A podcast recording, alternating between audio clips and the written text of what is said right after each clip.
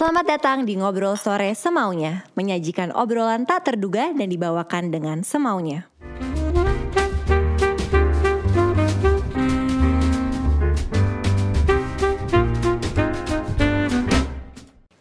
Selamat datang di Ngobrol Sore Semaunya bersama gue Putri Tanjung. Hari ini super spesial karena kita kedatangan tamu dari Managing Director Google Indonesia dan kita akan banyak menggali ilmu, akan banyak sharing juga sama beliau.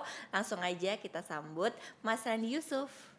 Selamat siang, Hai, Mas. Mbak Putri. Terima kasih banyak diundang. Of Ya, course. happy Apa sekali kabar? bisa di sini. Baik-baik saja. Salam Gim- sehat semuanya. Salam sehat semuanya. Ya. Pokoknya kalau lagi di kondisi seperti ini yang paling penting sehat nggak sih Mas? Sama-sama, Mbak Putri. Ya. Mas, how are you? Semua how's this pandemic treating you? Gimana 2021 Mas? Ya, 2021 baru mulai ya, Mbak Putri. Iya. Mungkin banyak orang juga udah bilang kayaknya 2021 seperti perpanjangan 2020 ya kalau dari dilihat dari sisi pandemi segalanya. Tapi ya kalau kita lihat secara keseluruhan mungkin secara makro mungkin semua orang lihat juga vaksin sudah mulai ada, sudah Iya. mulai didistribusikan di seluruh dunia termasuk juga di Indonesia. Jadi Iya. dari sisi dari sisi saya pribadi ya saya tentu saja seperti semua orang ya juga Iya. cukup optimis dan senang juga melihat ini dan semoga saja ini semua terus uh, bisa terus uh, ya semakin baik lah kita semua bisa keluar dari pandemi yang benar-benar Betul. Gitu. Mas, gimana sih rasanya bekerja di perusahaan ter- terbesar di dunia gitu, Google? Rasanya gimana sih, Mas? Ya, so Mbak Putri sebenarnya sebelum saya saya join Google sekarang sudah menuju tiga tahun ya Tiga belum tahun sampai ya. tiga tahun tapi menuju tiga tahun. Sebelumnya saya pengalaman kerja sudah lebih dari 20 tahun lebih, Iya. jadi mungkin udah agak, you know, ada rambut putih dikit ya. senior lah, Mas, Ya. senior. terima kasih, terima kasih ya.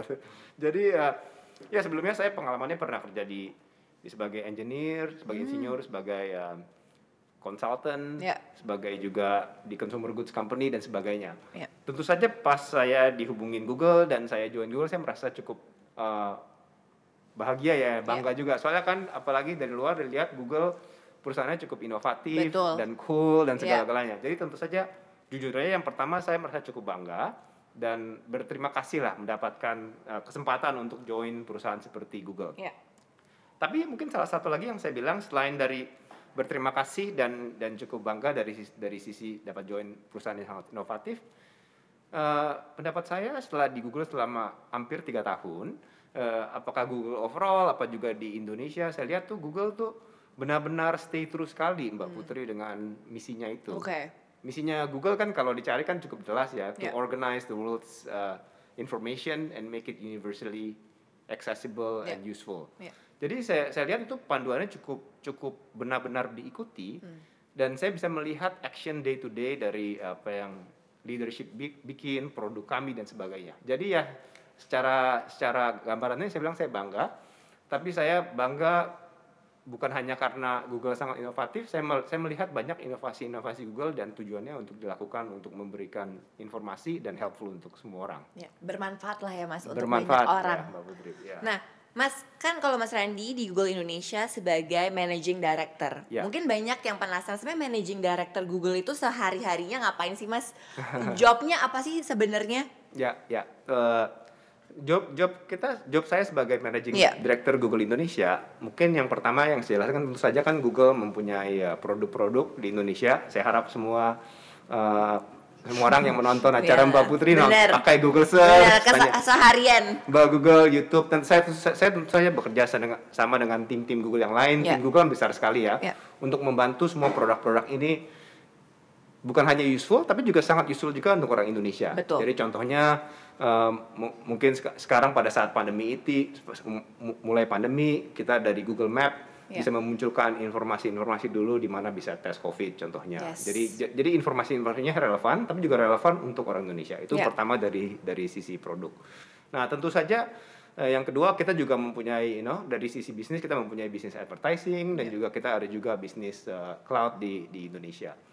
Tapi yang tiga, yang ketiga yang menurut saya sangat penting sekali juga karena seperti yang tadi Mbak Uti bilang ya, kita kan dari eh, sisi Google salah satu perusahaan yang cukup besar, Besar, di ya. dunia dan juga perusahaan teknologi yang besar. Yes. Eh, kami merasa ada panggilan eh, dan jujur aja saya secara pribadi juga meskipun saya pegawai Google, tapi saya juga eh, eh, eh, karena saya besar dan dan dan dan dari Indonesia, Ya. saya merasa bagaimana Google bisa terus membantu orang Indo- Indonesia supaya dalam sisi digital transformasi. Ya. Maka itu kita banyak ada inisiatif-inisiatif yang Yes. nanti kita bisa diskusi lagi. Ya. Seperti Gapura Digital membantu UKM, Ya. bangkit dengan uh, membantu uh, uh, mahasiswa-mahasiswi dan semua pelajar untuk belajar uh, uh, machine learning, Yes. Android da- dan cloud computing dan sebagainya. Jadi secara gambaran besar pertama produk-produk kami relevan dengan untuk orang Indonesia. Ya. Kita ada juga tentu saja dari bisnis, tapi yang penting juga untuk membantu uh, digital transformasi di Indonesia. Yes. Ya. Nah mas, sebelum kita ngomongin lebih jauh lagi ya soal inovasi-inovasi Google yang membantu banyak sekali orang Indonesia, Ya, Mbak let's talk about kan sebelum Mas Randi ke di Indonesia, Ya. kan sudah berkarir lama sekali di luar, Ya, ya. ya kan? Ya. Mas ceritain dong awal karirnya waktu Ya. itu di luar seperti apa, Ya. dan gimana waktu itu da- bisa dapetin dan bekerja di big company di luar negeri. Iya, iya. Eh, jujur aja Mbak Putri saya saya eh, lulus eh, lulus eh, universitas itu sekitar pertengahan tahun 1990-an ya. Ya. Ya, itu di LinkedIn bisa lihat lah. Cuman saya nggak mau terlalu detail, ntar ketahuan umur berapa. Ya. Tanggal Meskipun zaman sekarang bisa ditebak kok. Iya. LinkedIn. lahir ta- ta- lahir ber- berapa mas? Iya. Lahir tahun berapa? 70-an lah, 70-an lah. Mungkin ya, jadi dari si- saya eh, lulus dari tahun eh, 90-an itu pertengahan 90-an. Jujur aja saya waktu itu saya belajarnya eh, teknik mesin. Oke. Eh, terus saya sih memang niatnya balik ke Indonesia. Cuman Di mana mas waktu itu belajar teknik mesinnya? teknik mesinnya saya belajarnya saya sekolahnya di Amerika di Oke. namanya University of Wisconsin at Madison. Oke. Eh, Put- eh, Mbak Mbak Putri kan cukup familiar juga ya. Iya. Nggak tahu pernah ke Wisconsin apa nggak? Itu dingin sekali, tapi cheese-nya enak. Oh ya, cheese Iya, enak ya? Aku belum sempat ke sana. Ya. Oke. Tapi ya, ya saya dari, lulus dari situ.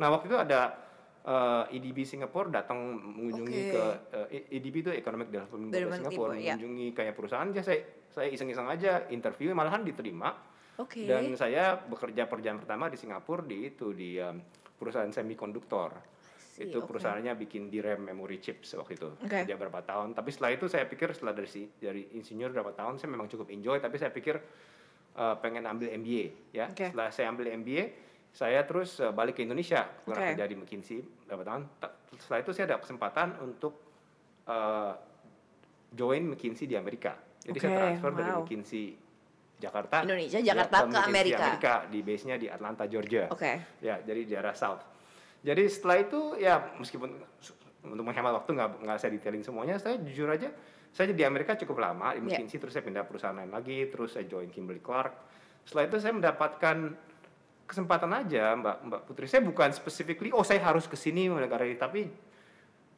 mungkin saya cukup beruntung juga ya sebagai pribadi ya saya istri saya cukup open minded Ya. Mau lompat-lompat ya mas? Iya, iya. Waktu, waktu, waktu saya menikah, Pindah-pindah. ya, waktu saya menikah istri saya waktu itu juga dia juga ada ada dia juga ada dia juga ada MBA, dia ada pekerjaan sendiri. Iya. Dan dia eh, kerja di bank sebelumnya. Cuman dia dia dia sangat bersedia dia bilang saya akan ikut kamu ya, tapi yang penting kamu you know cari kerjaan yang bagus ya, Iya, jangan iya. saya, saya jangan disuruh makan eh, junk food setiap hari doang nih, cari yang lumayan, ya, ya, ya. Jadi oke. Jadi saya istri saya cukup fleksibel. Oke, Jadi that's saya nice. ikutin aja gitu. Jadi waktu Oke. saya ba- yang saya sering pindah-pindah saya cukup lama di Amerika. Hmm. Tapi saya mulai mulai apa ya namanya? Pindah-pindah negara-negara itu se- sejak saya join perusahaan namanya Kimberly Clark itu. Iya. Ya saya di- diberikan kesempatan untuk you know, menjadi country manager di berbagai tempat. Jadi saya ikutin aja Iya. eh, Mbak Putri. Jadi kesimpulannya ya saya mulai-mulai sih nggak terlalu benar-benar waktu umur 20-an, 30-an saya harus ke- Iya. jalan kerjanya gini saya dikasih Jadi sebenarnya nggak dikasih di-plan ya. Mas? Iya, dikasih. Ya, mungkin ada ancang-ancang dikit kalau Iya. dapat kesempatan. Waktu waktu lagi karir mungkin multi banyak company ya seperti Iya. ya, mungkin semua company juga pasti ada diskusi mengenai career development Iya. ya. Saya ditanya nanya gitu. Iya. Mas tapi waktu itu goal besarnya apa sih? Waktu kayak lulus dari university, kayak what's your big goal? Kayak gue pingin kerja di sini atau gue pingin jadi ini gitu. What's your big goal back then? Ya, saya jujur aja waktu saya lulus universitas itu benar-benar belum belum ngerti sekali. Oke. Jadi saya pikir pengen cobain aja itu kerja tuh Ya. jadi engineer gimana sih? Anyway sudah belajar hampir 4 tahun detail-detail ngitung-ngitungin mesin. Sayang juga ya kalau Iya, nggak kerja sebagai insinyur. iya. Jadi saya dicobain. yang pertama saya bilang, at least sudah udah belajar banyak saya pengen goal saya cuman apakah memang saya udah dapat udah udah lulus tapi saya apakah itu saya akan benar-benar suka menjaga Iya. sebagai insinyur saya kerja beberapa tahun menurut saya saya kerjanya oke Iya. tapi saya pikir mungkin saya pengen coba bisnis lebih besar Ya. tapi karena saya juga belum tahu waktu itu dan waktu itu sekitar saya lulus MBA awal awal 2000-an ya Ya. waktu itu Amazon juga baru mulai di, Yes. di Amerika Google juga mulai kan secara company kan mungkin akhir 90-an ya Ya. waktu itu masih baru masih cukup baru dah ya Ya. Eh, jadi eh, saya pikir itu interesting, cuman masih belum belum tahu juga di industri mana. Maka itu saya join consulting.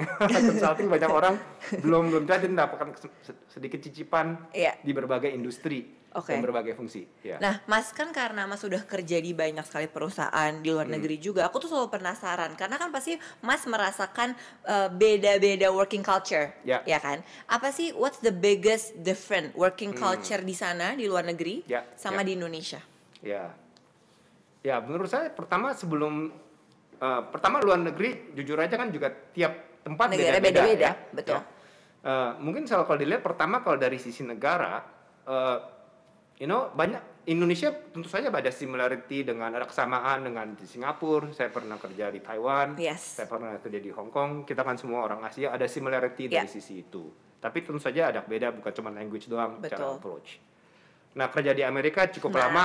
Nah ini kan eh, Mbak Putri cukup tahu juga kan ya. Mungkin di Amerika orang lebih direct, lebih Betul. lebih dari diskusi segala itu dari awal pada saat saya awal karir saya di Amerika, saya itu cukup eh, pernah stres juga sih pertama kali di Amerika. Soalnya kan di meeting gitu kan kalau saya kan eh, sekolah di besarnya di Indonesia, sekolah Indonesia kan kita lebih, lebih ngikutin guru aja ya. Iya. Mungkin kalau angkat tangan sering juga takut dibilangin carmuk-carmuk gini. Ini iya. orang Caper iya, nih, iya, cari mau- mau, mau, minta, mau minta apa ya.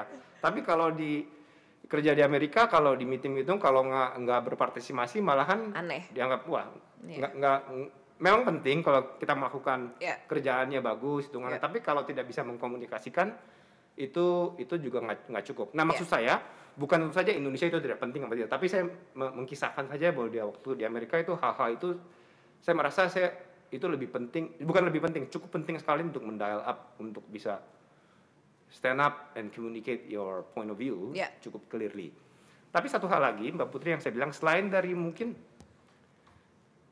perbedaannya antara semua kultur ya ada dua hal. Iya. Yang pertama yang saya lihat bukan hanya kultur-kultur antara negeri, negara-negara berbeda, yang paling penting juga adalah kultur company. Ya, Saya kan pernah kerja di sekarang saya kerja di Google, Iya. kerja di Kimberly Clark, semua company itu mempunyai kultur sendiri. Betul. Malahan saya lihat kadang-kadang contohnya di perusahaan Iya. uh, Kimberly Clark saya kan pindah-pindah di Iya. tempat lain ya. Iya. Ada tuh meskipun orang ini Kimberly Clark dari Taiwan, apa dari Amerika, apa dari uh, base di Singapura. Iya. Wah ini orang Kimberly Clark, ada benar-benar kultur itu saya menurut saya itu bisa kadang-kadang transcend Iya. negara. Ya. Dan yang kedua yang saya ingin share juga mungkin uh, kadang-kadang kita sering terlalu fokus perbedaannya. Ya. Saya merasa kalau soalnya waktu saya sebagai country manager tuh saya contohnya di Kimberly Clark kan punya punya banyak uh, juga manufacturing facility segala. I mean, saya- deal dengan orang dari manufacturing segala semuanya itu menurut saya semua orang aspirasinya sama. Mungkin yang baru mulai karir ingin you know bagaimana maju dan belajar terus. Betul. Tergantung di mana fase Anda dalam hidup ingin mendapatkan you know stabilitas, Betul. ingin growing. Menurut saya itu tidak peduli di industri apa Iya. dan di di negara mana itu Ya. sama. Iya. Jadi yang kita Setuju. itu menurut saya jadi sebagai leader kita penting sekali itu Betul. untuk untuk Menurut aku sekarang tuh working Ya. culture memang lagi I think one of the most important thing sih mas Karena Ya. kan apalagi sekarang lagi banyak banget gener our- generation kan My generation nih, the young generation right Which is the Ya. millennials and generation Z Ya. gitu Ya. Mereka pasti kalau mau masuk ke satu perusahaan Pasti mereka ngeliat working culture-nya.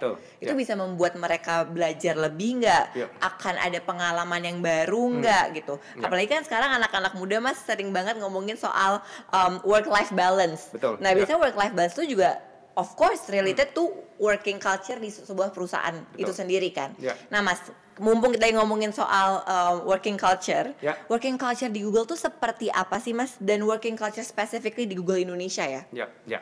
Kita ada beberapa prinsipal, salah satunya adalah default ke open.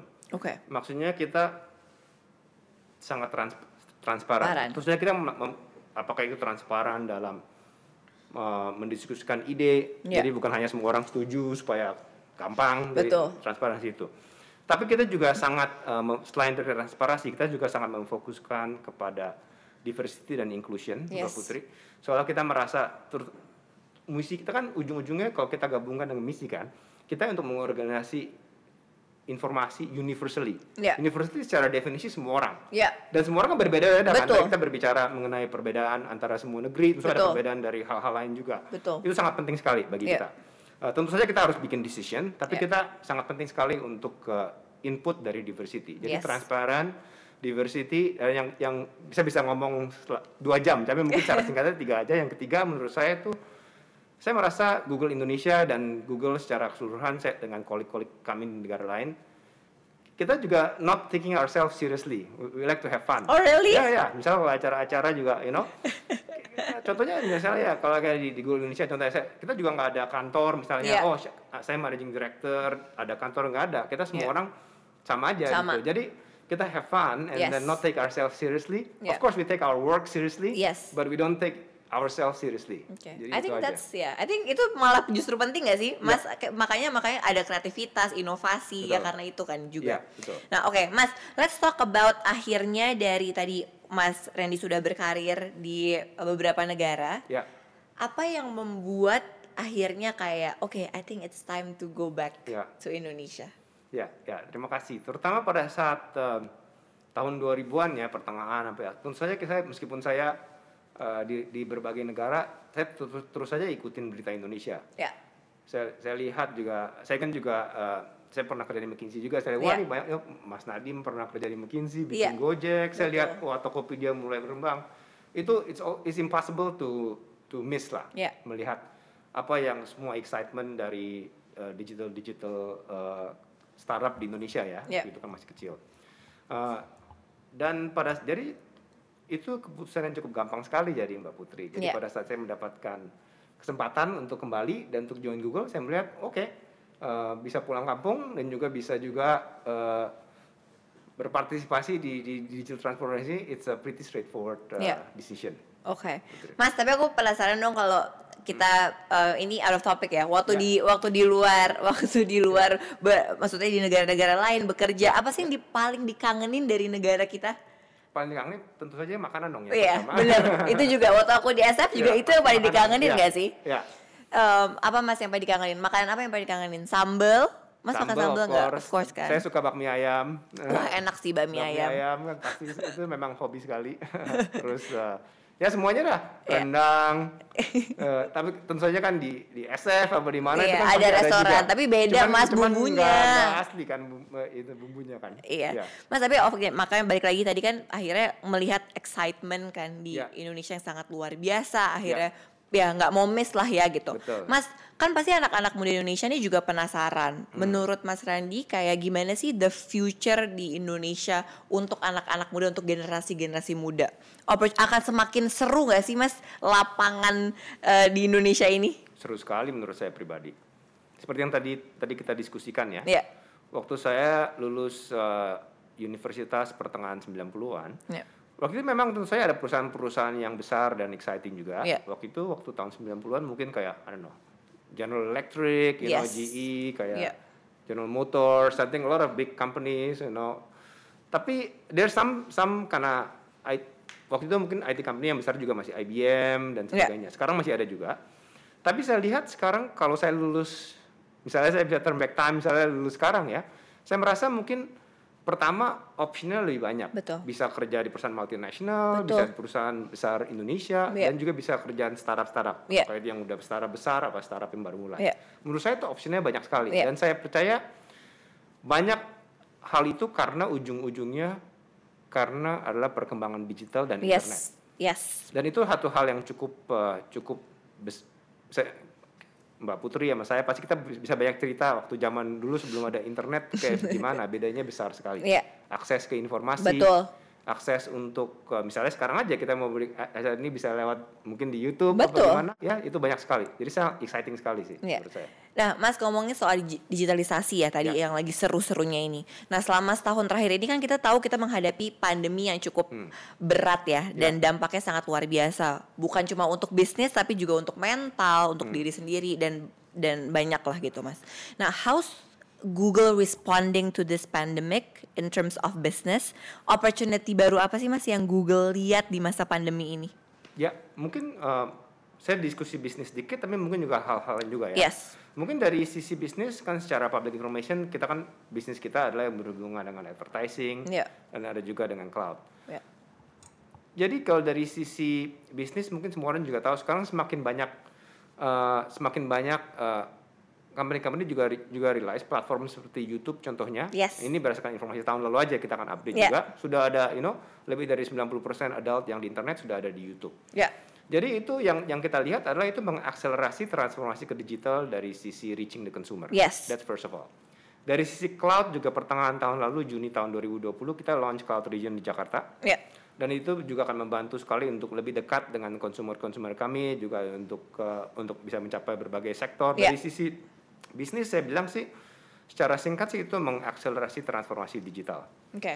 Tapi selain itu, eh, selain dari bisnis yang saya ingin mungkin tekankan lagi ya, eh, jujurnya pada saat pandemi itu mulai yang gawat-gawatnya quarter dua tahun lalu ya, kita Ya. benar-benar fokus ke dua tiga hal. Yang pertama adalah fokus dari sisi ujung-ujungnya misi kita lagi informasi kan. Informasi, Bagaimana memberikan informasi yang akurat? Kan banyak Betul. sekali misinformation. Jadi kita Ya. memberikan panel di YouTube, search panel. Oke, Anda yang mencari informasi lebih, lebih dalam, klik di sini bisa hubungin WHO, Ya. Menkes dan sebagainya. Ya. Seperti yang tadi saya bilang, di Google Map bisa mendapatkan lokasi di mana bisa swab test dan sebagainya. Itu pertama. Info, bagaimana kita memberikan informasi yang berhubungan dengan health Ya. kesehatan. Apalagi di awal-awal pada saat banyak misinformasi. Yang kedua edukasi. Kita kan nah, seperti yang immediately kan, without a lot of warning ya. Ya. Tahu-tahu semua murid harus belajar di rumah. Murid kita sangat meluncurkan berbagai. Kita kan memang udah ada produk yang mungkin mungkin teman-teman udah tahu Google Classroom segalanya. Jadi kita langsung meluncurkan membuat sekarang 45 juta Ya. murid Indonesia bisa mendapatkan akses untuk belajar Ya. untuk bisa bisa mendapatkan akses belajar online. Itu edukasi penting sekali. Betul. Itu jadi dari sisi kes- kesehatan dan dari sisi edukasi, Edukasi. dan tentu saja kita terus ingin menurture eh, membantu publisher-publisher dan startup juga. Ya. Itu mungkin saya bisa ceritakan lebih lagi, tapi itu tu- kita terus ingin terus mengin- eh, membantu berdasarkan feature-feature produk kami. Ya.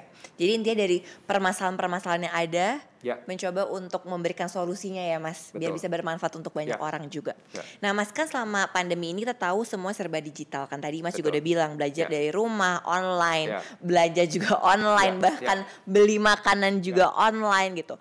Menurut Mas Andi sendiri, apakah Indonesia sudah cukup siap menghadapi force shifting Hmm. Betul. ini mengingat pemerataan internet juga masih belum merata gitu? Betul.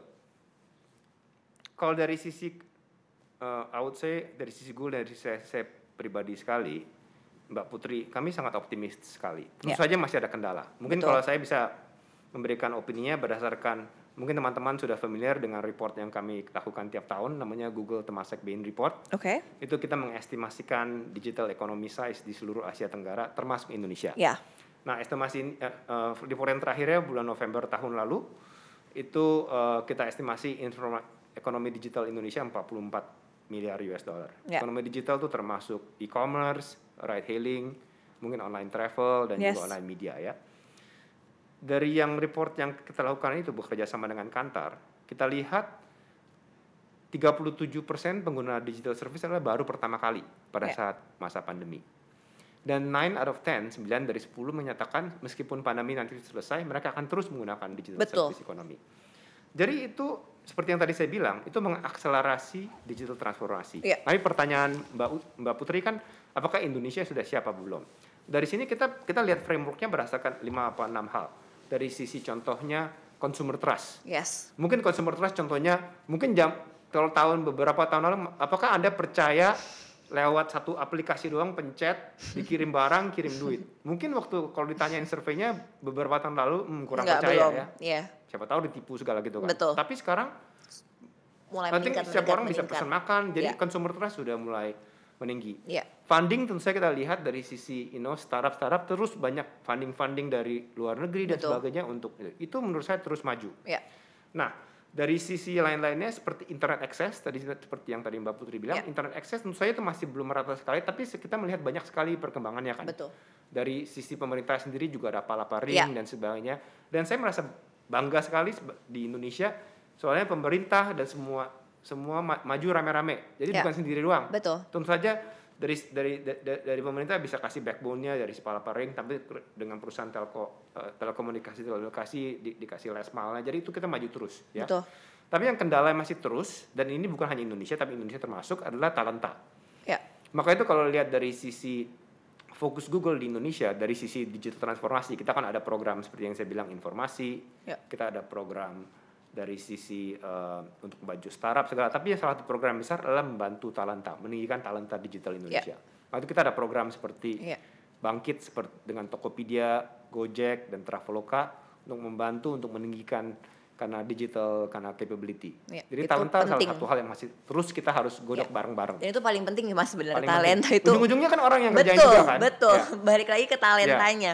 Nah, Mas tadi kan udah juga udah bilang kan bahwa um, shifting demand sama needs-nya orang-orang di Indonesia kan juga udah berubah Ya. karena adanya pandemi. Jadi Ya. orang sudah terbiasa dengan Ya. kita um, Google Meet dan Ya. segala macam ya kan. Itu bakal terus terjadi tuh nantinya gitu kan. Ya. Nah, kan Mas teknologi kan berkembangnya cepat sekali. Betul. Betul kan? Terus juga kita sebagai consumer market juga berubahnya juga cepat sekali. Betul. Gimana sih Mas untuk um, Google terutama gitu ya terus memberikan inovasi-inovasi baru tapi secara cepat. Hmm. Itu gimana sih Mas caranya? Iya, I think inov menurut saya dua hal ya, kalau, Iya. kalau, kalau boleh Mbak Putri. Eh, selain inovasi, kita ingin seperti tadi pertanyaan sebelumnya, bagaimana untuk membantu supaya lebih merata. Ya. Kita ingin memberikan kesempatan dan edukasi untuk mungkin yang masih nggak semua orang gaptek level teknya sama, teknologi sama sebagai Ya. lebih gaptek untuk bisa maju ke atas. Contohnya salah satu program yang penting sekali yang menurut saya bilang kita program kita yang yang kita sudah lakukan sejak tahun 2015 Ya. namanya Gapura Digital dan Women Will Yes. di mana kita membantu UKM-UKM, Ya. di mana kita membantu untuk women entrepreneur Yes. untuk belajar masuk online. Ya. Contohnya saya ada banyak contoh waktu lagi acara Google for Indonesia yang tahun lalu kita Ibu Ida contohnya yang di di yang berada di daerah eh, Lombok. Ya. Eh, beliau eh, sebelumnya bekerja untuk memberikan makanan di satu sekolah. Tentu saya sekolah ini seperti kita bilang tutup kan. Ya. Jadi eh, pendapat pendapatan beliau kan turun. Ya. Dia mengikuti program kami Gapura Digital dan dia bisa bisa mengekspor eh, dia dia bikin I think bingka kentang apa gimana ya kayak makanan gitu bisa diekspor ke Bali malahan di, di seluruh Indonesia malahan di di, di Ya. tempat-tempat lainnya. Ya. Itu contoh sedikit saja Ya. di mana kita ingin dengan pandemi ini membantu untuk orang-orang Ya. untuk bisa masuk teknologi online dan kita Ya. sudah melatih lebih dari 1,8 juta orang. Dari sisi inovasi da- dari Google sendiri saya bilang juga kita juga belajar. Kita Ya. kan tentu saja salah satu core part dari Google dan terus penting masa depan untuk inovasi at some point kita juga harus face to face. Itu menurut saya akan terus meskipun setelah pandemi udah membaik itu akan Iya. akan lebih face to face akan kembali lagi aspek itu. Ya. Tapi kita karena masa pandemi dipaksa untuk Betul. belajar nggak ada face to face. Apalagi Betul, sekarang betul. sudah mendingan lah. Benar, benar. Iya kan? Akan awal-awal ya. Iya betul. Jadi kita jadi malahan kita bilang, hey, it's actually we can do it with with uh, everybody like Betul. di Google Meet ya Yes. in this case. Jadi itu menurut saya dari sisi itu kita belajar juga dari sisi Google Betul. di mana kita meng- me- jadi jadi menurut menurut kami di masa depan akan akan hybrid terus. Ya. Tentu saya aspek dari offline meeting masih terus penting, Betul, setuju. tapi itu akan diaugmentasikan dengan lebih banyak online. Betul. Ya. Nah, Mas tadi kan ngomongin soal um, masa depan ya. Tadi Ya. kita we touch a bit about masa depan. Aku tuh selalu senang banget sama ada kata-kata bapakku Mas yang selalu Ya. ngomong ke aku. Ya. Bahwa kita tuh harus bisa beli masa depan dengan harga sekarang. Oh, bagus. Nah, Ya. menurut Mas sendiri apa sih strategi Google atau Hmm. Mas Randy untuk kita tuh bisa predict the future? Kayak Hmm. predict the trend tuh ke depannya seperti apa? Ya, Em, menurut saya kalau dari sisi prediksi, Ya. kita melihat kita bisa melihat juga apa yang opportunity yang kita lihat ke depan Ya. dan juga apa yang working well and better nowadays. So, so Ya. let, let me give some example. Yes. Contohnya karena dari produk-produk kita, produk-produk kita seperti yang tadi saya bilang itu skalanya besar sekali ya. Betul. Eh, miliaran orang di seluruh dunia menggunakan produk kita, apakah itu search, YouTube segala. Dan kita juga tahu sebagai perusahaan besar yang produknya digunakan miliaran orang di seluruh dunia, kita mempunyai responsibility, mempunyai kewajiban. Ya. Supaya platform kita digunakan untuk informasi, entertainment, belajar, dan kita tidak mau hal yang yang buruk-buruk sekali. Betul. Tapi kalau semuanya hanya rely dengan orang doang, manually itu tidak mungkin. Ya.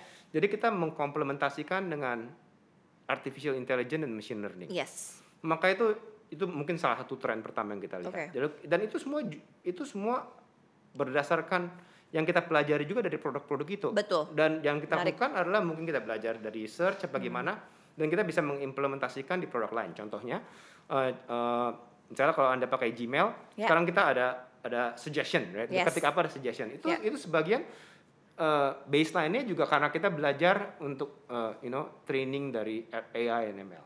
Jadi menurut saya ya dari sisi produksi masa depan kita lihat aja apakah yang yang yang dibutuhkan dari skala besar, apa Hmm. yang apa yang bisa dilakukan secara mass scaling Menarik. Ya. dan itu mengkombinasikan ingenuity uh, human Ya. dan juga menggunakan mesin. Jadi AI ML mungkin salah satu halnya yang bisa bisa kita laku, bisa kita Oke, Mas ngomongin soal tren, kita Ya. tahu bahwa sekarang lagi banyak banget rising um, YouTube creators Ya. atau content creators ya. Ya. Gitu. Eh, eh, kita juga tahu bahwa YouTube itu as part of Google Ya. dan CXO Media ini kan juga lahirnya di pandemi dan Yeah, ada yeah, di yeah, YouTube yeah, juga kan. yeah.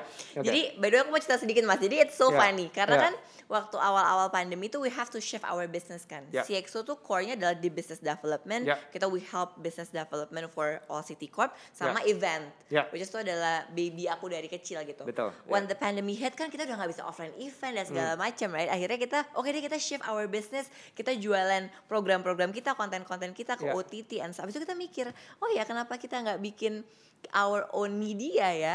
Pad- Karena of course ekosistemnya juga udah gampang dan segala macam dan udah Ya. ada platformnya juga YouTube kan. Ya. Akhirnya kita launching lah CXO Media di Ya. YouTube. Mas itu awalnya kita pikirnya kayak oke ini cuma main-main aja Ya, gitu. ya. Tapi ternyata it's becoming something that is really big. ya Terus juga bisnisnya alhamdulillah lancar dan semakin berkembang gitu ya. Hebat. Jadi um, makanya aku merasa bahwa oh, lagi banyak banget nih, you know, all the rising content creators yang ada di YouTube. What Ya. do you think about that? Dan what's next sih mas for YouTube? I think um, first of all it's amazing dan Yeah. congratulations I think. Mbak Thank Putri. you.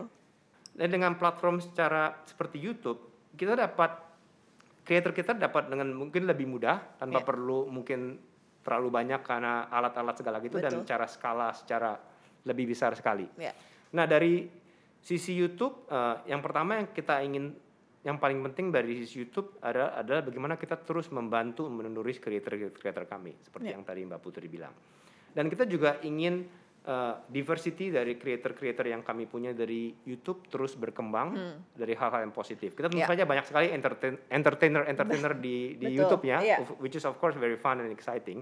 Tapi juga kita juga ingin informasi-informasi Yes. educator educator seperti YouTube kita Betul. kerja sama dengan kok bisa segala gitu Iya. kita terus ingin terus terus terus maju nah be- beberapa bulan lalu kita meluncurkan dari tapi kita da- dari sisi eh, YouTube contohnya bu- bisnis modelnya mungkin selain dari advertising mungkin creator juga dapat bisa subs untuk apa ada kayak channel Iya. karena channel karena you know subscription Iya. things like that. kita terus memberikan inovasi-inovasi untuk pertama membantu creator-creator Iya. supaya dapat mendapatkan you know berbagai cara untuk reach consumer Betul. dan untuk funding untuk creator dan kita juga ingin terus membantu me-encourage creator-creator di YouTube supaya lebih banyak diversity juga Mbak Ya. Putri. Jadi contohnya dari sisi informasi media Betul. itu juga cukup exciting karena Ya. karena itu dapat menjadikan YouTube terus platform yang tentu saja fun tapi juga platform yang memberikan informasi-informasi yang bagus dan Ya. juga memberikan edukasi-edukasi. Oke. Iya. Mas, kan setiap perusahaan yang Hmm. sukses atau yang em, tadi Mas juga bilang kan terus berinovasi dan memberikan tambahan-tambahan em, untuk masyarakat gitu ya. Ya. Itu kan pasti memiliki tim yang hebat di belakangnya. Ya. Balik lagi ke talenta kan. Absolutely, ya. Value apa sih Mas yang Mas Randy terapkan pada tim dan eh, company culture. Tadi kan kita udah ngomongin soal company culture ya. Ya. Jadi lebih ke value sama leadership style Ya. yang Mas Randy itu kayak apa sih? saya menurut saya semua leader uh, harus ber, ber- berevolusi juga, Setuju. Saya- Harus evolve ya. evolve sebagai leader. Dan satu hal yang menurut saya paling penting yang saya belajar setelah saya di Google hampir tiga tahun Ya. adalah really really having uh, deep trust to your team and that they will do your job. They, Okay. they will do their job Yes. very well. Nah, waktu saya baru mulai-mulai sebagai leader mungkin arguably the middle class. I mean, masih kita kan sebagai leader biasanya kita kan mulainya dari individual contributor kan. Betul. Kita bisa kita mungkin dipromosi jadi manajer segala karena kita bisa melakukan tugas kita sendiri eh, bagus ya. Iya. Cuman pas lagi mulai-mulai mungkin tiap orang kan standar standarnya dan ekspektasinya beda-beda. Beda-beda. Mungkin lagi sedikit ser- sering ngecek gitu kan. Betul. Tapi yang saya saya, saya, saya lihat setelah di Google eh, eh, itu feedbacknya pertama-tama juga bilang, oh, I mean, are you getting too much detail, right? So, Yeah. and I learned actually, why do I get too much detail? Mungkin pertama masih masih belum tahu juga, masih belajar Betul. juga kan. Tapi selain sebagian alasannya mungkin karena ya deep inside there's a little part of you karena sedikit mungkin kurang percaya apa gimana ya. Iya.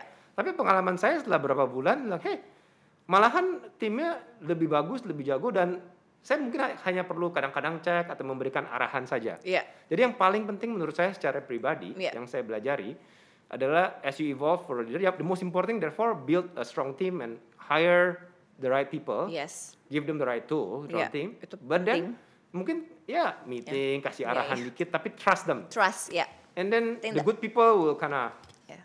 do much much more things that you you you, you can Iya. actually imagine. Trust and mutual respect ya, Mas. Absolutely. I think it's Yeah. very important ya. Betul. Mas, ke depannya harapan apalagi sih yang ingin uh, dicapai Google Indonesia? Ya, eh, harapannya yang yang saya saya sambungin aja tadi seperti yang challenge challenge dan opportunity yang kita yang yang yang kita bilangkan Ya. Eh, eh, eh, Mbak Putri pertama talenta kita sangat passionate sekali bagaimana terus untuk membantu gap-gap talenta dari Indonesia apakah mulai dari eh, dari mungkin dari SD SMP dengan Ya. memberikan tool-tool yang kita bilang sampai all the way a bit more advanced ya Yes. dari sisi dengan program seperti Bangkit ini yang kita bekerja sama dengan uh, Mendikbud Ya. untuk memberikan yang mungkin lebih lebih high level ya dari sisi machine learning, cloud segala gitu. Ya. Itu talenta. Dan talentanya bukan cuma hanya murid tapi juga talenta seperti yang kita bilang apa apa capability lah. Yes. Probably the right the better word untuk membantu UKM dan sebagainya. Betul. Itu pertama. Hal hal lain juga informasi kan. Saya bilang banyak mengenai informasi. Ya. Tentu saja dari platform kami sendiri, dari YouTube, search segala kita ingin informasinya useful, helpful. Yes. Tapi kita juga tahu informasinya kan penting seperti you know, CXO Ya. dan semuanya kita ingin terus membantu bekerja sama dengan semua publisher-publisher Ya. apakah itu besar dan kecil Ya. untuk terus uh, sukses supaya kita memberikan informasi yang relevan Ya. dan trustworthy. Yes. Makanya kita ada program dengan Mavindo, Ya. kita ada namanya Google News Initiative. Jadi kita melihat penting sekali untuk publisher-publisher memberikan informasi bukan hanya dari Google bisa sukses. Ya. Eh, jadi talenta, capability, informasi dan banyak lain-lainnya juga. Dan Ya. yang terakhir contohnya mungkin kalau saya berikan dari sisi ya alasan kenapa saya balik ke Indonesia startup startup community. Yes. Maka itu kita ada program-program eh, sekarang kita in the middle untuk men- akan di announce soon Google for eh, Startup Accelerator khusus Nice. untuk Indonesia. Tahun Nice. lalu di Southeast Asia sekarang khusus Indonesia. Ya. Wow. Kita baru mengannounce you know, beberapa bulan lalu kita ada partnership dengan you know, North Star Ya. dan kita akan terus dengan visi lain. Kita ingin terus menurture startup community. Ya. Jadi itu Yes. itu semuanya combine together. Oke, dan semoga nantinya lebih banyak women entrepreneurs yang bisa diinvest ya, Absolutely. Mas. Oh, definitely. Itu ada juga program itu. Iya Ada. betul karena kita baru bikin program juga sama Oke. North Star namanya Elevate Women Oke, di mana perfect. tapi kita spesifik for women entrepreneurs di industri kreatif untuk bisa mendapatkan eh, investment. Oke, kita Gitu. ya, kita ada program Women Founders ID di Yes. APEC.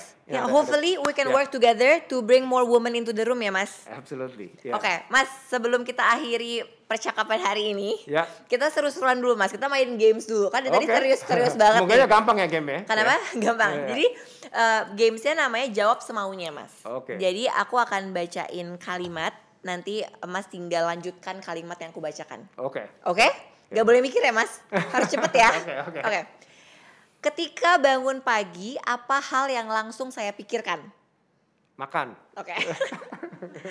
Waktu kecil, hal yang paling me- memalukan atau unik yang pernah saya alami adalah Waktu kecil. Oh. Mengong. oh itu memalukan ya mas ya. Oke. memalukan. Orang nggak banyak yang tahu kalau saya itu orangnya Orang yang introvert atau ya. ya. Introvert. Tapi kelihatan sih Happy to mas. stay. Ya, Tapi kelihatan ya. kelihatan sih, Mas. Introvert. Oke. Em, saya paling bete kalau menghadapi situasi seperti Eh, orang yang tidak considerate. Oke. Ya. Teman-teman saya bilang kalau saya adalah orang yang Eh, cuek. Cuek. Ya. saya merasa feel alive saat Spending time with family. Ya. Ya. Nasihat terbaik yang pernah orang berikan kepada saya. Jangan terlalu dipikirin pendapat dari orang-orang lain semua. Yang paling penting adalah pendapat orang yang mengasihi Anda. Ya. Wes, Wes. bener. Itu bener, itu Ya, bener banget, ya. Mas. Terakhir, Mas. Yes. Menurut saya, kebahagiaan adalah Spending time with family, Family. and healthy. Yes, Ya. benar sekali. Oke, Mas, Sehat. pertanyaan terakhir ya. Silakan. Jadi biasanya kalau misalkan ngobrol sama narasumber-narasumber di ngobrol sore Ya. semuanya, ini kan conversation kita bakal stay forever, Mas, di Oke. YouTube, Oke, ya kan? ya, ya. You can watch it back nanti pas udah lima tahun ke depan dan segala macamnya. Nah, dalam lima tahun ke depan, apa harapan yang akan Google lakukan untuk Indonesia, Mas? Ya, eh, harapan ke depan platform kami terus akan menjadi platform yang sangat berguna untuk semua orang. Amin. Informasinya akurat dengan partner-partner publisher yang membantu. Kita ingin harapan kami adalah talenta-talenta digital Indonesia terus maju dan Yes. menjadi world class. Yes, Jadi bukan amin. cuman sukses di Indonesia juga, tapi bisa keluar. Setuju. Eh, menurut saya itu yang paling penting sekali. Jadi bagaimana Google bisa membantu. Oke. Ya. Mas Randy, thank you so much. Terima kasih banyak. Terima Mbak kasih Putri. banyak sudah menyempatkan waktu untuk ngobrol-ngobrol di Ngobrol Sama-sama. Sore Semaunya. Terima kasih teman-teman yang sudah nonton Ngobrol Sore Semaunya. Jangan lupa untuk terus nonton Ngobrol Sore Semaunya setiap hari Kamis jam 6 sore hanya di YouTube channel CXO Media dan jangan lupa untuk dengerin full versionnya di Spotify. Bye bye.